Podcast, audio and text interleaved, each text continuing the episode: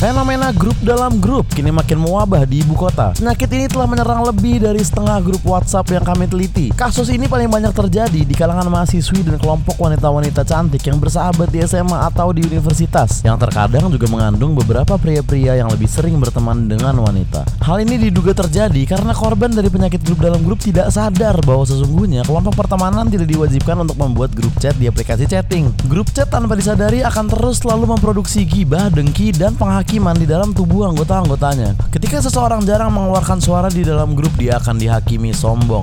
Ketika seseorang terlalu sering mengeluarkan suara di dalam grup, dia akan dihakimi berisik. Ketika seseorang terlalu sering mempromosikan hal yang ia ciptakan atau hal yang ia kerjakan di dalam grup, dia akan dihakimi pamer. Bahkan ketika seseorang terlalu peduli dengan keberlangsungan aktivitas di dalam grup tersebut, dia akan dihakimi ribet. Dan terkadang ketika sudah kronis, terutama yang banyak terjadi pada wanita-wanita adalah mereka tidak sadar bahwa persahabatan mereka bukan didasarkan atas kecocokan berteman, melainkan didasarkan pada ya kebetulan dulu di sekolah atau di kampus ya yang cantik-cantik bangetnya ya kita jadi ya ngegeng lah kita. Podcast kesel aja mengajak seluruh pendengar berita ini untuk yuk kita bersama-sama menghilangkan budaya grup dalam grup budaya gibah budaya bicara di belakang budaya MT marilah kita biasakan pertemanan yang terbuka jujur belak-belakan karena pertemanan apaan yang ngobrol aja mesti rahasia-rahasiaan ya kan Terima kasih kepada semua yang telah mendengarkan dan selamat beraktivitas kembali.